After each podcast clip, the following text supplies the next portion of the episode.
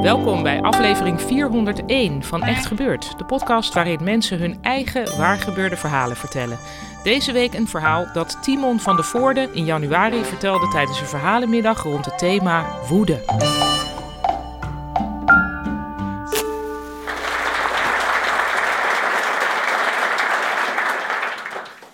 Uh, ik zal maar ineens uh, beginnen met een open deur uh, in te trappen. Vriendschap vind ik iets ongelooflijk mooi. Uh, vriendschap is iets, is iets heel erg magisch. Die, die onbesproken band tussen twee mensen. Je kan het heel moeilijk definiëren wat het voor jezelf betekent. Maar ik vind vrienden zelf heel erg belangrijk. Mensen die ik graag heb, die hou ik graag dichtbij. Want ik vind vriendschap is een beetje zoals uh, een plantje dat je moet uh, water geven. Je moet dat voldoende water geven. Dus ik probeer veel tijd door te brengen met mensen die ik graag heb. Nu, ik heb daar een heel goed excuus voor gevonden. Uh, ik ben jarig, de meeste van jullie waarschijnlijk ook. Um, maar ik vind dat heel veel mensen uh, te weinig jarig zijn. Want ik ben jarig en dan, dat was in eind december, dan organiseer ik een verjaardagsfeest. En de week daarna doe ik dat nog eens, want er waren sommige mensen niet.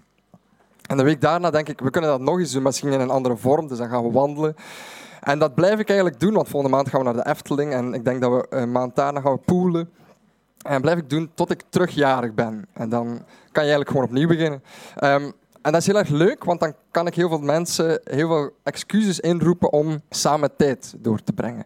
Um, en bij heel veel vrienden hoort dan misschien af en toe wat drama uh, of zo. Maar ik heb eigenlijk niet zoveel last van mijn vrienden. Als ik mijn vrienden niet meer leuk vind, dan duw ik ze gewoon wat verder weg. Nodig ik ze niet meer uit op mijn avonturen. En uh, als gevolg ben ik ook niet zo snel boos op mijn vrienden. Ik, um, ik kom wel goed uit mijn woorden en dan uh, hoef ik me eigenlijk niet zoveel kwaad te maken. Ik negeer ze dan gewoon of zo. Uh, maar ik moet jullie misschien meenemen naar een, een, moment dat ik een vriendschap toch eens heel erg goed getest heb. Dat was namelijk zo, tien jaar geleden. Um, ik studeerde toen in Gent. Je hoort het misschien aan mijn stem, dat ik niet van hier ben. Um, ik studeerde toen in Gent. Um, en ik was toen vrijwilliger bij een radiostation. En wij hadden toen het grootste studentenevenement van Gent, de start van het academiejaar nodigden wij alle studenten kwamen allemaal samen op, op een grote plein. En wij hadden een goed idee. We moesten iets nieuws doen. Wij moesten een, een website lanceren, een cultuurwebsite lanceren. En wat doe je dan? Dan denk je na, brainstorm je een beetje van hoe kunnen we daar heel veel poeha rond maken? Hoe kunnen we daar veel mensen uh, warm voor krijgen? En in een of andere brainstorm waar ik dan zat, kwam het dan plotseling op, wat als we nu cultuur op je muil geven? Uh, en we nemen dat heel erg letterlijk. Wat als we nu gewoon een gaan organiseren? We zetten een boksring in het midden van dat plein en we laten mensen elkaar cultuur op je muil geven. Ja, ik had ongeveer dezelfde reactie, maar toch hebben we gewoon gezegd, ja, we doen dat. Dat klonk als een fantastisch idee. En direct ook, ik en mijn vriend Sam, dat is geen schuilnaam, noemt Sam, um, die, uh, die keken naar elkaar en zeiden, als wij nu eens de exhibitie-openingsmatch doen, samen. We keken naar elkaar en we zeiden, dat is een goed idee. Je hebt mij misschien ondertussen al gezien, ik ben letterlijk een pluimgewicht. Ik weet ook niet waarom ik de aangewezen persoon daarvoor was, maar ik kan wel heel erg luid zijn. Dus wij belden naar de lokale boxclub en dan krijg je echt gewoon, die vonden dat ook een heel erg grappig idee, dan krijg je een boksring, krijg je daar een scheidsrechter bij, twee coaches, handschoenen, zo'n bit. Ik denk Eye of the Tiger muziek, die, die speelt in mijn hoofd aan. En dan plotseling mag je dan gaan boksen. Maar ik weet niet of er hier mensen in de zaal zitten die ooit al gebokst hebben. Als je dat nog nooit gedaan hebt, dat ziet er ongelooflijk belachelijk uit. En ik had dat nog nooit gedaan. Sam ook niet. Um, maar wij wilden vooral heel veel lawaai maken, wij heel veel mensen lokken om dan onze boodschap van onze belangrijke cultuurwebsite te kunnen verkopen.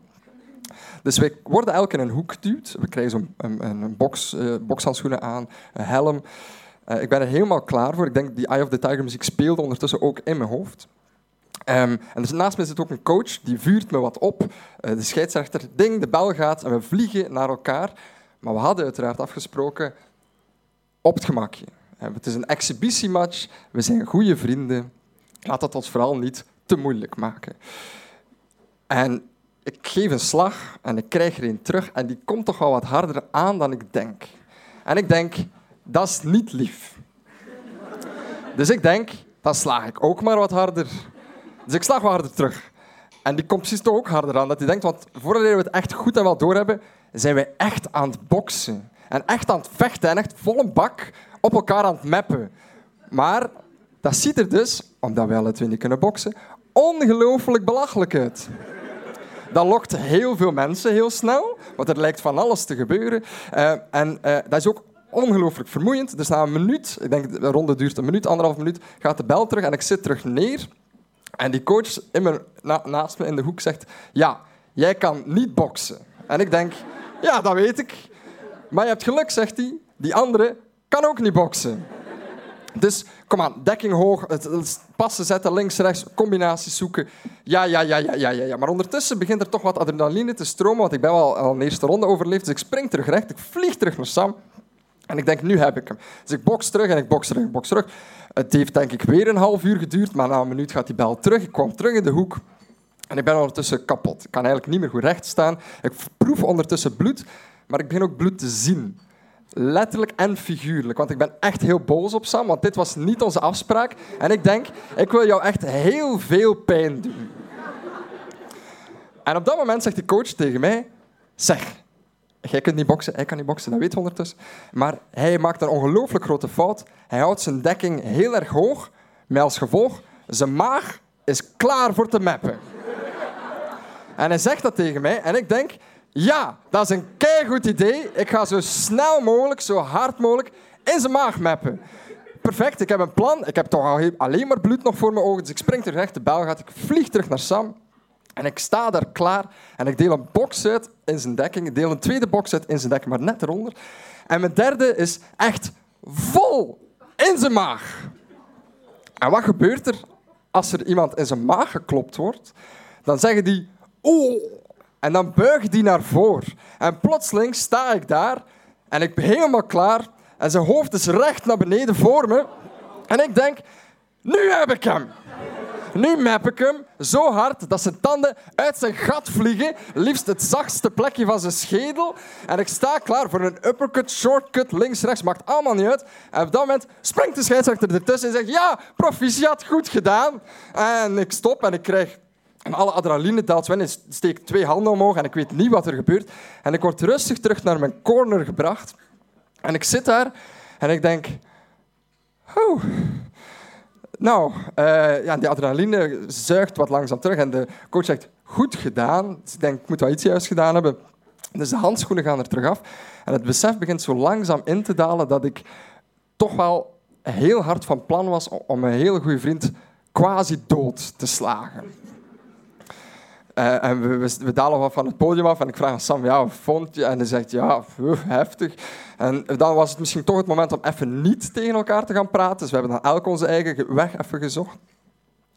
En ik zou jullie uh, heel graag willen vertellen uh, dat het sindsdien mijn aardsvijand geworden is. Dat is hij jammer genoeg niet. Sam krijgt nog altijd uitnodiging voor mijn verjaardagsavonturen. maar enkele jaren later, want dat we spelen over mijn twintiger jaren.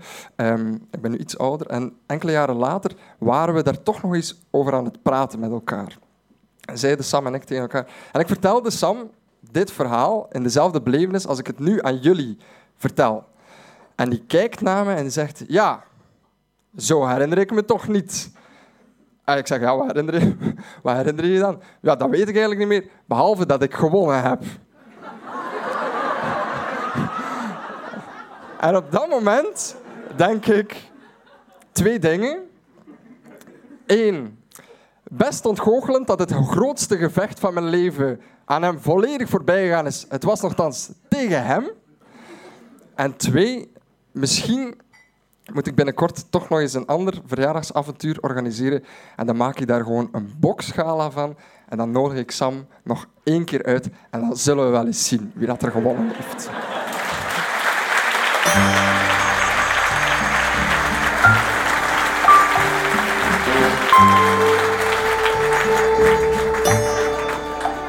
Dat was Timon van de Voorde. Timon is radiomaker en een van de redacteuren van de verhalenpodcast Relaas. Dat is de Vlaamse versie van Echt Gebeurd. Of wij zijn de Nederlandse versie van Relaas, zo kan je het ook zeggen. Abonneer je vooral op Relaas als je dat nog niet kent, want dan kun je ook daar elke week een mooi verhaal beluisteren. Onze redactie van Echt Gebeurd bestaat uit Micha Wertheim, Renette Kwakkenbos, Tom van Rooyen, Ariane Hins en mijzelf, Paulien Cornelissen. Productie doet Hanna Ebbingen, zaaltechniek Jasper van Oorschot, podcast Gijsbert van der Wal. Graag tot volgende week en vergeet ondertussen niet, jij hebt gewonnen. Jij, niet die ander.